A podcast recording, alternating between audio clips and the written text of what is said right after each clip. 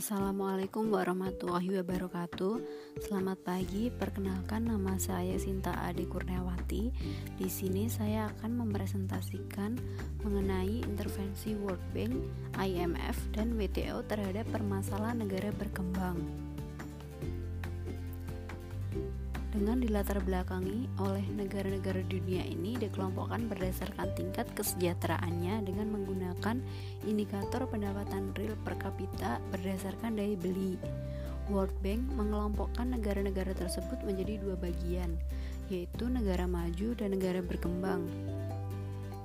Menurut World Bank, negara-negara dikelompokkan menjadi empat bagian menurut jumlah pendapatan per kapita. Satu, Negara berpendapatan rendah adalah negara-negara dengan GDP per kapita kurang dari 1026 dolar per tahun. Kedua, negara berpendapatan menengah ke bawah adalah negara-negara dengan GDP per kapita berkisar antara 1026 dolar hingga 3995 dolar per tahun. Yang ketiga, negara berpendapatan menengah ke atas adalah negara-negara dengan GDP per kapita berkisar antara 3.996 dolar hingga 12.375 dolar per tahun. Yang keempat, negara berpendapatan tinggi adalah negara-negara dengan GDP per kapita lebih dari 12.375 dolar per tahun. Menurut Todaro dan Smith tahun 2003, perbedaan negara berkembang dibandingkan dengan negara maju dapat dilihat dari karakteristik negara berkembang, yaitu satu, standar hidup yang rendah. Banyak negara berkembang memiliki standar hidup yang rendah, tidak hanya dibanding dengan negara maju, namun pada kelompok kecil di dalam negara itu sendiri. Kedua, tingkat produktivitas rendah di negara berkembang, umumnya tingkat produktivitas terutama tenaga kerja masih rendah dibanding dengan negara maju. Yang ketiga, tingkat pertumbuhan penduduk dan beban tanggungan yang tinggi. Dari data World Bank tahun 2018 terlihat bahwa pada negara berkembang tingkat kelahiran kasar dan pertumbuhan penduduk relatif tinggi dibanding dengan negara maju. Yang keempat, ada tingkat pengangguran yang tinggi. Biasanya pemanfaatan sumber daya manusia oleh negara berkembang masih relatif rendah. Faktor yang menyebabkan hal tersebut adalah masih adanya pengangguran terselubung, yaitu tenaga kerja yang bekerja di bawah kapasitas optimalnya. Ada pula pengangguran terbuka, yaitu orang yang ingin bekerja dan memiliki kemampuan bekerja, tetapi tidak ada lapangan pekerjaan untuk mereka. Yang kelima, ketergantungan terhadap produksi pertanian dan ekspor produksi primer. Di negara berkembang, kontribusi sektor pertanian masih cukup besar terhadap GDP, sedangkan di negara maju, kontribusi terbesar pada sektor industri. Pada negara berkembang, produk dalam negeri yang diekspor lebih pada produk mentah dan belum diolah. Sedangkan pada negara maju, produk yang diekspor kebanyakan produk yang telah siap digunakan atau barang jadi. Yang keenam, ketergantungan terhadap negara maju dalam hubungan internasional. Banyaknya masalah yang terjadi di negara berkembang adalah dikarenakan ketimpangan yang tinggi baik di bidang politik antar negara maupun bidang ekonomi maka negara maju memberikan bantuan luar negeri ataupun menyalurkan modal swasta. Kondisi ini mengakibatkan negara berkembang masih ketergantungan terhadap negara maju dan yang ada akhirnya negara maju mendominasi setiap sendi kehidupan ekonomi dan sosial. Dari latar belakang tersebut, negara berkembang masih perlu untuk jauh lebih berusaha meningkatkan kondisi perekonomiannya. Maka dibentuk lembaga-lembaga sistem perserikatan bangsa-bangsa yaitu IMF, World Bank, dan WTO untuk meningkatkan standar hidup di negara-negara anggotanya, terutama negara berkembang. Langsung pada pembahasan diawali oleh World Bank, salah satu intervensi yang dilakukan oleh World Bank saat ini adalah membantu memberikan anggaran 12 miliar dolar untuk negara-negara berkembang dalam menghadapi dampak ekonomi dan kesehatan dikarenakan COVID-19.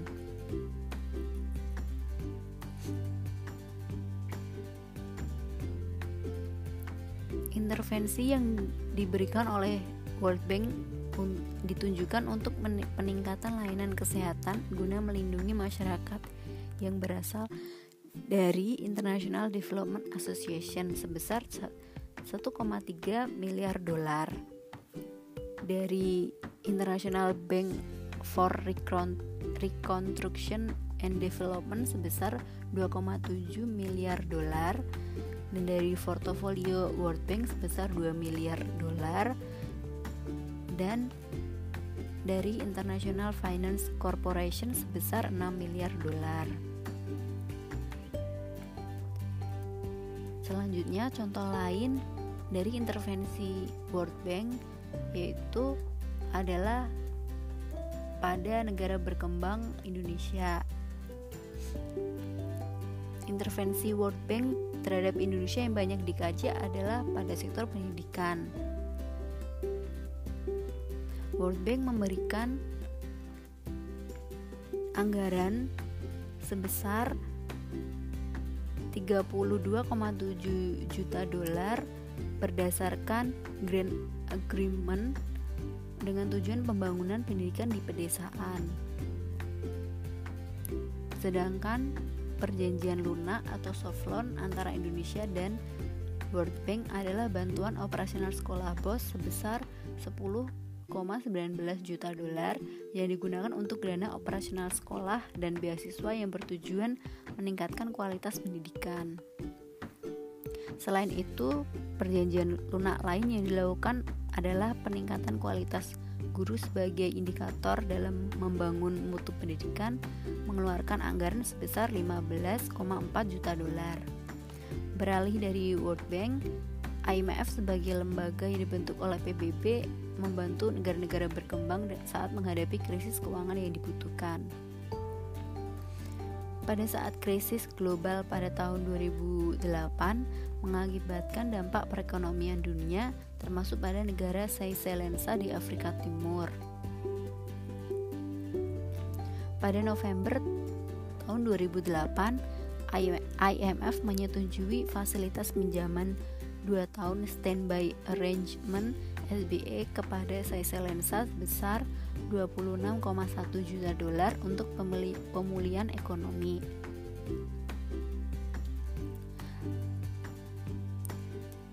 Setelah negara tersebut menerima intervensi atau bantuan dari IMF, terlihat bahwa GDP dan inflasi pada tahun setelah 2008 mengalami perekonomian yang stabil. IMF juga memberikan bantuan pada Indonesia. Krisis yang menimpa Indonesia terjadi pada tahun 1997 pada tahun tersebut, utang Indonesia melambung tinggi akibat melemahnya nilai rupiah terhadap dolar Amerika Serikat.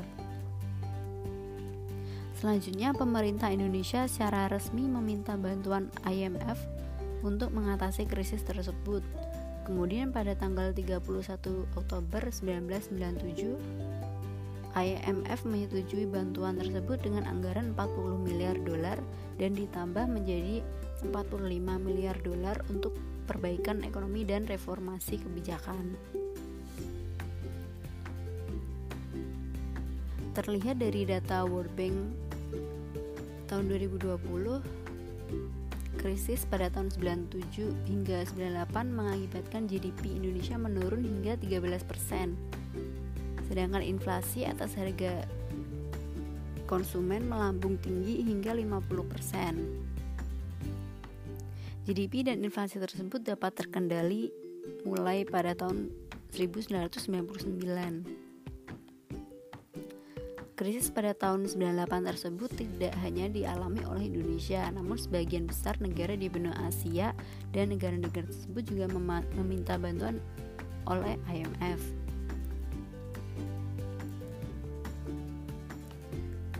Indonesia adalah negara berkembang yang berada di pinggiran ekonomi dunia kapitalis sehingga saat menghadapi permasalahan ekonomi politik bergantung pada negara-negara luar. Kenyataan ini memang terjadi dan Indonesia harus dapat melepaskan diri dari ketergantungan tersebut dan dapat bangkit memperbaiki sistem perekonomian dan politiknya.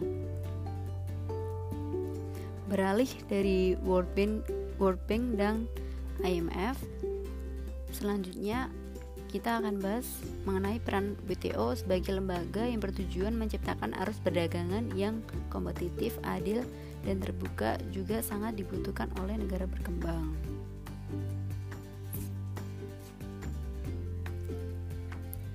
Salah satu kasus perdagangan internasional yang melibatkan WTO sebagai pihak yang melakukan intervensi antar kedua belah pihak adalah tuduhan dumping oleh Amerika Serikat pada Brazil yang mengekspor jus orange pada tahun 2008 lalu.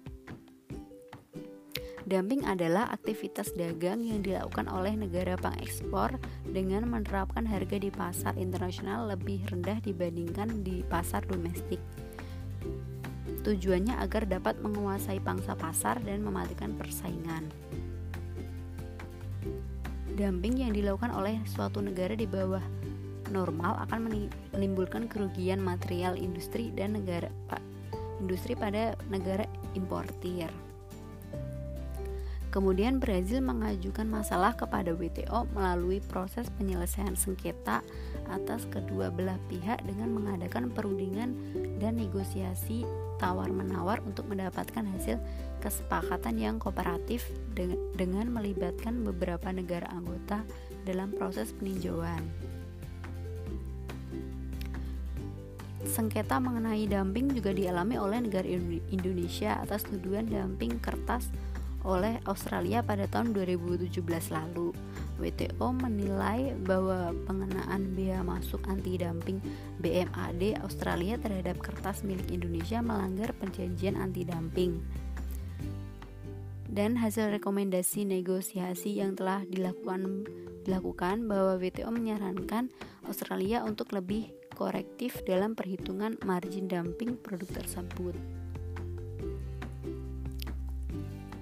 Kesimpulan dari penyajian materi tersebut adalah bahwa peran lembaga penting ekonomi selalu membantu dalam penyelesaian masalah, namun tidak dipungkiri adanya keperluan politik yang menjadi peran adalah sebuah keharusan bagi negara berkembang untuk dapat memperbaiki sistem politik dan ekonominya serta dapat terlepas dari belenggu negara maju. Sekian dari saya.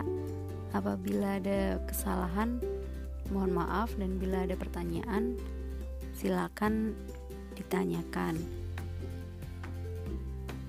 Akhir kata dari saya, wassalamualaikum warahmatullahi wabarakatuh.